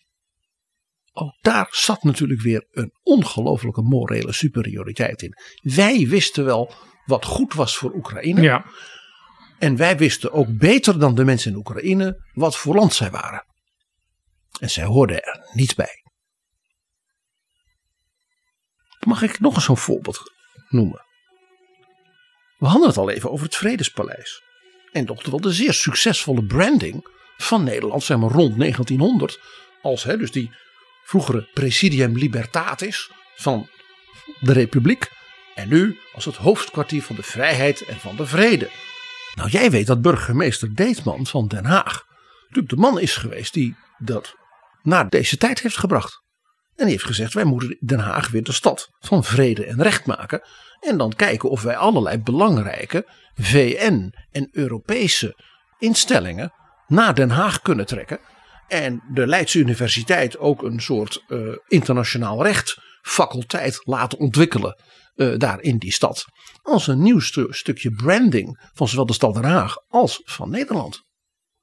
Daar zit natuurlijk toch een hele fikse echo in van het denken van Idenburg en de zijnen van rond 1900. En dan te bedenken dat Den Haag in Nederland de stad is waar ze het traagst over doen als je je paspoort wil vernieuwen. ja. Maar ook hier weer heel Nederlands. En we willen natuurlijk van dat die conferenties en dergelijke allemaal in Den Haag komen. Dat vinden we prachtig. Hè? De Nuclear Summit toen, weet je nog, met Obama. Want daar kan Nederland er goed aan verdienen. Maar Nederland is dan wel hè, uh, vrede en recht. Maar ondanks MH17 willen we toch nog wel een beetje kunnen verdienen aan Poetin. Dus als er een brug moet worden gebouwd naar de Krim, Ja. dan zijn het Nederlandse bedrijven die helpen. Ja, dat was overigens illegaal, maar het gebeurde wel. Ja. Dus die combinatie, die komen we al door weer tegen. Het zit heel diep bij ons erin. Mag ik een paar recente Kamerdebatten, Jaap, waarin op een hele leuke manier dat element van die Nederlandse manier van denken over onszelf zo mooi naar voren kwam. D66-fractieleider Jan Paternotte bij de algemene politieke beschouwingen hield toen een verhaal over dat we als, in deze moeilijke tijden als Nederland, ook als land weer ja, eensgezind moeten zijn en ook de goede dingen van ons land moeten benadrukken. En toen, noemde hij onder andere Nederland was toch in de tijden van het Paarse kabinet een soort moreel baken van de wereld. Omdat je in Nederland mochten homo's gaan trouwen. En daarmee was Nederland toch een voorbeeld voor de hele wereld. Ach ja, Jan.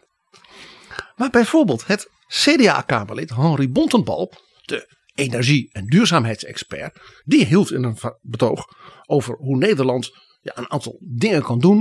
En had hij gezegd, Nederland kan op het punt van duurzaamheid echt een rolmodel zijn voor heel de wereld en Europa. En dat komt door onze fietscultuur.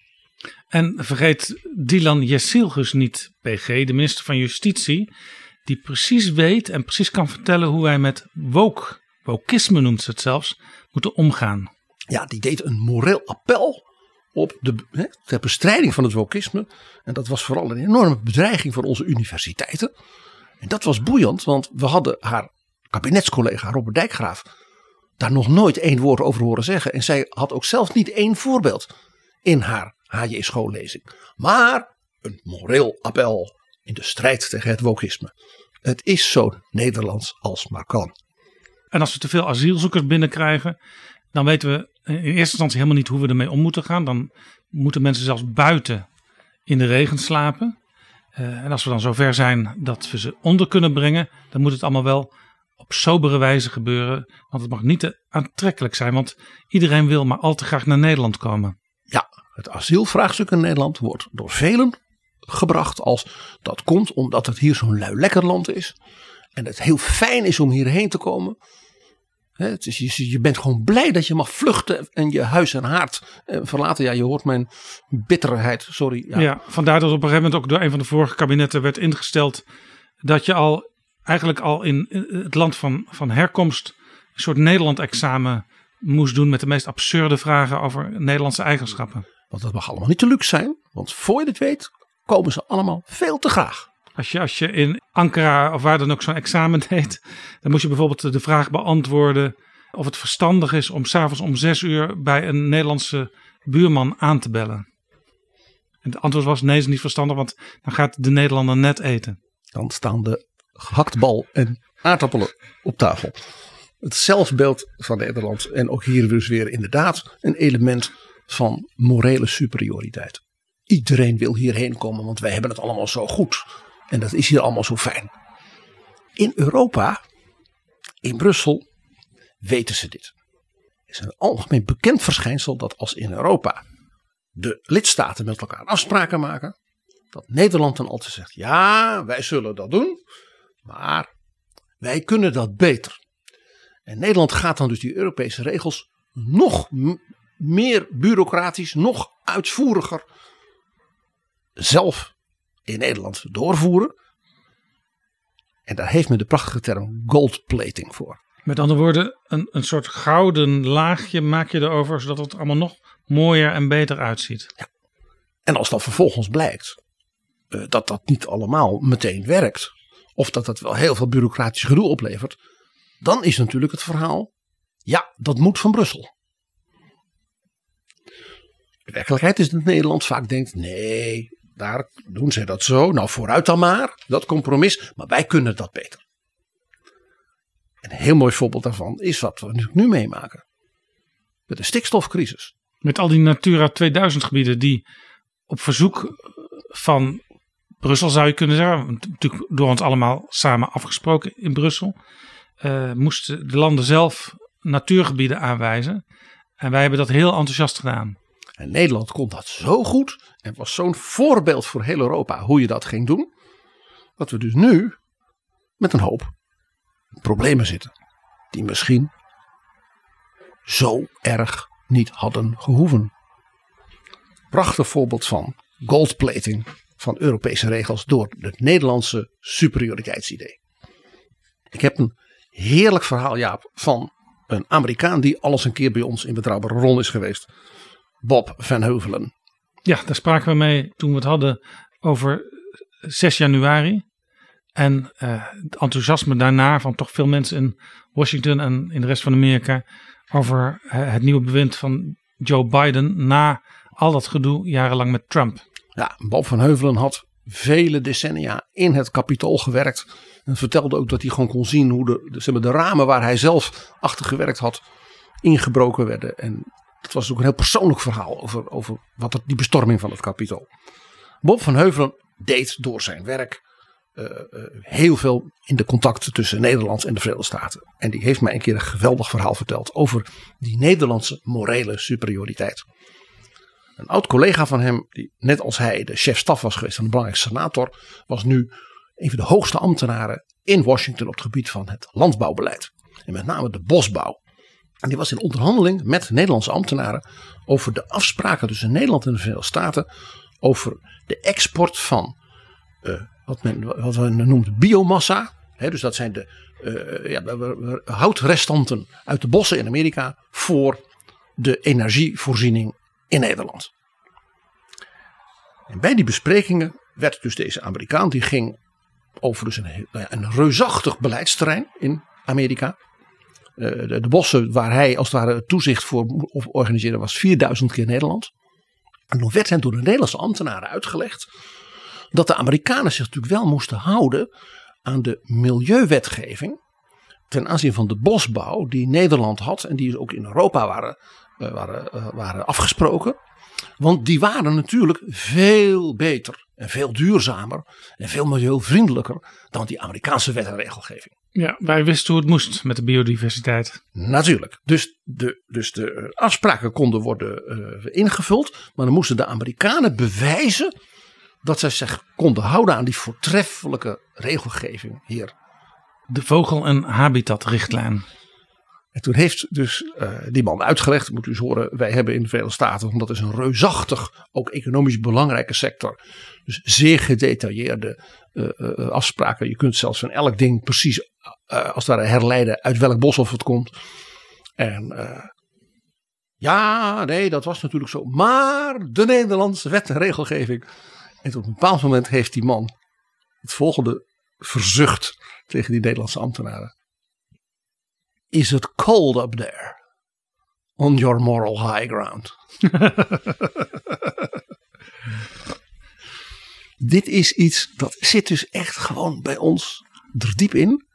En het interessante is dus dat je ziet hoe zich dit ja, verhoudt tot een manier van denken over dat Nederland toch in de wereld een, nou ja, een zedelijke roeping heeft. Het zit dus echt in het DNA, PG. Het zit echt in het DNA. Dat is ook een heel mooi voorbeeld uh, in het net verschenen prachtig boek over de jaren 70 van het Centrum voor Parlementaire Geschiedenis. Grote idealen, smalle marges door Carla van Balen en Anne Bos en nog een heleboel meer mensen uitgegeven door Boom. En in dat boek wordt verteld dat op een bepaald moment, begin jaren 70, Nederland uh, zegt van ja, wij gaan een, in ons buitenlands beleid, ook in de ontwikkelingssamenwerking, gaan wij als centraal motief de mensenrechten doorvoeren. En dat werd in alle opzichten werd dat naar buiten gebracht. En toen was er dus een mensenrechtenactivist, een hele belangrijke gezaghebbende man uit Scandinavië. En die zei, ah, Nederland is toch wel het land waarin de mensenrechten het meest diep geworteld zijn in de buitenlandse politiek. Dat werd dus overal voortdurend geciteerd. Ik ben ook nog eens getuige geweest van het uitdelen door minister van Aartsen in Iran, in Teheran, van de mensenrechten tulp. Die werd toen uitgedeeld aan journalisten daar ter plekke. En dat gebeurde op de Nederlandse ambassade. En toen de Iraanse gasten weg waren, toen werden we allemaal naar de kelder begeleid. En daar stonden de drankjes en de hapjes klaar. Want boven mocht je geen alcohol drinken. Het, ook hier weer zie je dus die, toch dat, mag ik zeggen, neocoloniale moreel imperialisme toch weer doorklinken. Wij komen de, in Iran met de mullahs de mensenrechten uitleggen als bewijs van onze ethische politiek. Maar de alcohol, die schenken we in de kelder. Als niemand het ziet. Idenburg uh, uh, heeft dus ook een enorme, uh, ja, hoe zal ik het zeggen, invloed gehad op het denken in Nederland ook ver na zijn tijd. Het boek over Idenburg geeft ook heel mooi aan zeg maar, de echo van zijn manier van denken. Zelfs ook bijvoorbeeld in het beleid van iemand als Jan Pronk. En het zogenaamde Tjermondisme. Dus dat idee dat wij als Europeanen, ja, als het ware met en in de derde wereld, samen met de mensen daar, iets moois gaan maken. Dat zat. Uiteindelijk heeft dat ook zijn wortels in de manier van denken van mensen als Idenburg. Ja. De verkoop van het beleid als een stukje wereldverbetering. En dat wat men dan ook wel eens een beetje spottend werd dat het Tjermondisme genoemd. Ja, en uh, Jan Pronk probeerde soms ook VVD'ers ervan te overtuigen dat dat ook de enige juiste weg was. Want zei hij op een gegeven moment, dan hebben wij in die 93 landen waar wij op dit moment hulp aan geven, ook politiek een vinger in de pap. En dat is ook voor het bedrijfsleven handig. Met dus die vanzelfsprekende gedachte dat Nederland met zijn morele voorbeeld en met dat vingertje in die landen dus politiek als daar hoog geacht wordt. Dat de politici daar in Afrika en in dergelijke allemaal zeggen ja laten we luisteren naar de wijsheid van die Nederlanders. Ja, tegelijkertijd heb ik wel eens van, ik denk Eveline Herfkens gehoord. Zij werd minister na Pronk en zij noemde wat zij toen ging doen zelfs ontpronken. Dat als je dan in, in Gambia of in welk land in Afrika je op bezoek was dan uh, ja, je melden. Uh, die minister die had dan s'morgens al uh, iemand uit Frankrijk ontvangen en iemand uit Spanje. En die waren de hele dag met Europeanen aan het praten. En die kwamen eigenlijk gewoon aan eens even rustig nadenken over wat moet mijn beleid zijn. Daar kwamen ze eigenlijk zelf niet meer toe. Maar ja, wij hadden een boodschap. Wij wisten hoe het moest. Het zit diep, ja wij mogen ook andere volkeren dan ook, zoals dat wanneer het nodig is, natuurlijk de waarheid zeggen. Ja, dat doen we ook in Europa natuurlijk regelmatig. Denk maar aan uh, vorig jaar, toen er um, vanwege corona allerlei plannen moesten worden gemaakt om bedrijven, maar ook armere delen van Europa bij te staan. En toen heeft Nederland echt tot op het laatst gewacht met ja zeggen. I am Dutch, so I may be blunt. De beroemde quote van onze minister van Financiën Jan Kees de Jager. Daar zit natuurlijk ook, hoe impliciet ook, hè, net als bij, ik zal maar zeggen, Jan Paternotte hè, en, en Henri Bontebal met onze fietscultuur, een element in van wij mogen jullie de waarheid Ja, vertellen, want wij je- zijn superieur. Dat is je prerogatief als Nederlander. Juist, juist ja. Wij komen ook dan weer de beschaving brengen. Dit is Betrouwbare Bronnen. Er is hier nog één ding en daar wil ik op wijzen, Jaap. De heer Idenburg is, jij wees er al op, ongeveer alles geweest. Wilhelmina heeft hem zelfs eens gepost of hij niet minister-president wilde worden. Maar hij was natuurlijk wel al op leeftijd. En ja, Colijn was natuurlijk een beetje een so- een soort leerling van hem. Dus hij gaf hem de voorkeur en speelde achter de schermen bij eh, de regering Colijn een hele grote rol, ook als adviseur. Een van de meest opvallende dingen is dat eh, de Nederlandse regering op een bepaald moment zei: ja, de grote eh, economische problemen. Eh, en ja, dat, dat, eh, de spanning in de wereld neemt toe. Hè, ook in Azië, hè, de opmars van Japan. Eh, en in Europa natuurlijk de opmars van Hitler-Duitsland. Kan Nederland nog wel ja, zijn defensie overeind houden. Toen heeft de regering Idenburg gevraagd een commissie te leiden. Om dat eens te analyseren.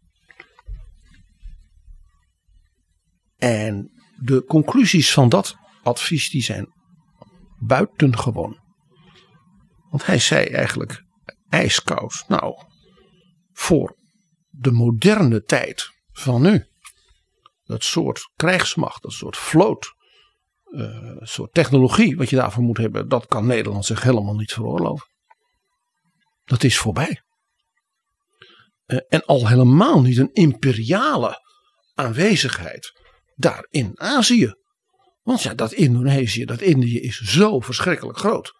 En daar zijn natuurlijk nu enorme vlootmachten als sowieso de Britten nog steeds. Maar ook de Verenigde Staten en natuurlijk Japan. Maar eigenlijk zeg je dan toch, wij kunnen ons niet verdedigen. Niet in Europa, niet in Azië.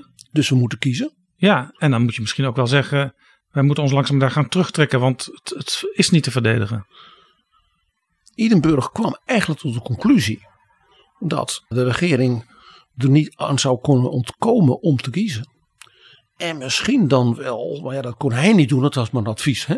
Dus kiezen tussen verdedigen Nederland of verdedigen Indonesië? En dat dan natuurlijk te kiezen voor de verdediging van het moederland. Ja, dat lag dan nog het meest voor de hand. Dat was toch impliciet de gedachte. Dat betekende dus dat in feite uh, de militaire defensie van het uh, overzeetse imperium, uh, ja, dat men dat maar moest vergeten. En er zat dus geen andere ja, strategie in. En die heeft men dus ook gevolgd toen. Van dat Nederland een strikte neutraliteit zou voeren. Dus helemaal zich zou focussen op uh, moreel appel. Ontwapening als een soort uh, uh, idealistisch beleid. Waarmee Nederland als het ware aan andere volkeren liet zien hoe het moest. Maar dat is toch heel naïef? Die Japanners die denken dan toch niet.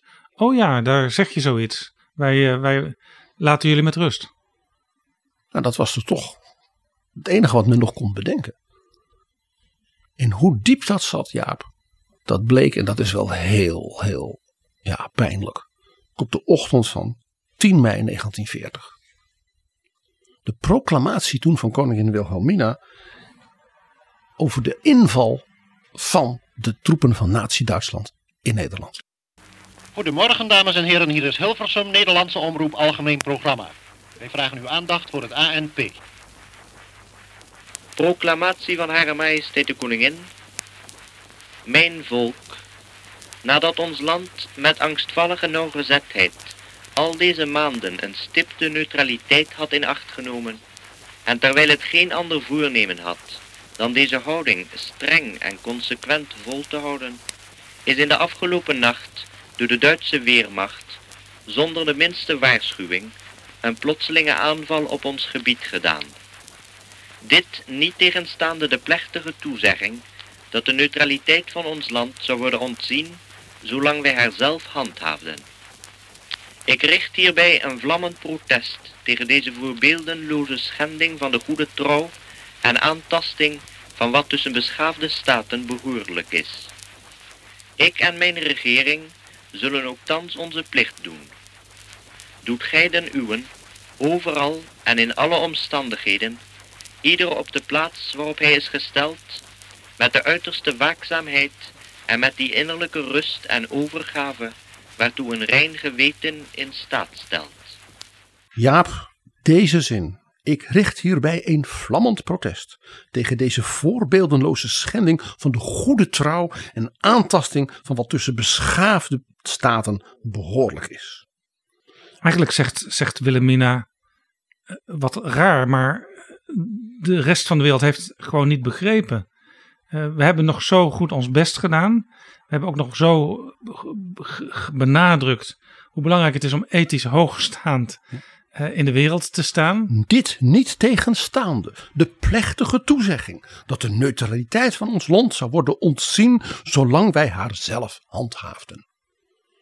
En dat de koningin dan na deze dit totale zeg maar failliet van deze manier van denken en van politiek bevoeren dan ook nog zegt dat ze iedereen dan zijn plicht moet doen met de uiterste waakzaamheid en met die innerlijke rust en overgave waartoe een rein geweten in staat stelt. Het was ook helemaal in deze lijn dat een paar jaar voor de inval van de Duitsers eh, nog de wet werd ingevoerd die een verbod legde op het beledigen van een bevriend staatshoofd. En dat was met name op Hitler eh, gericht. Je kon daar twee jaar de bak voor indraaien als je iets negatiefs over Hitler zei. Het feit dat je dus dat niet deed, was een bewijs van die uiterste waakzaamheid van het Rijngeweten. En in zekere zin, Jaap, in deze tijd zien wij een variant daarvan. Wat dacht je van die mensen die zeggen: kijk, het decadente Westen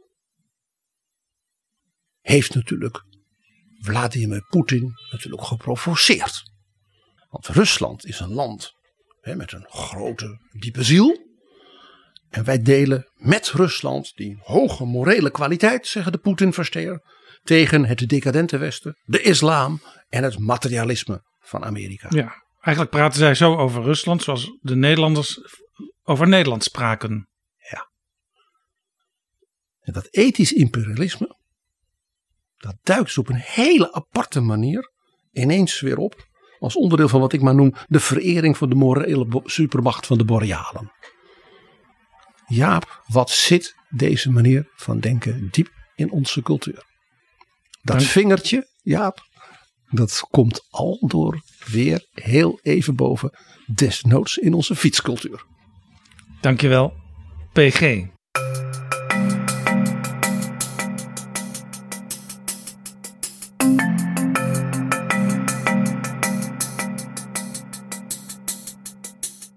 Zo, dit was Betrouwbare Bronnen, aflevering 300. Deze aflevering is mogelijk gemaakt door de vrienden van de show. Wil jij ook vriend worden? Ga dan naar vriendvandeshow.nl/slash bb. En voor onze vrienden stelt uitgeverij Prometheus drie exemplaren beschikbaar van dat prachtige kloeke boek over Alexander Idenburg, Engelen uit Europa, geschreven door Hans van der Jacht. Bijna 540 bladzijden. Voor elke 100 edities van Betrouwbare Bronnen één exemplaar voor onze vrienden van de show. En als jij nu snel nog vriend wordt, dan ding jij ook mee. Tot volgende keer. Betrouwbare bronnen wordt gemaakt door Jaap Jansen in samenwerking met dag en nacht.nl.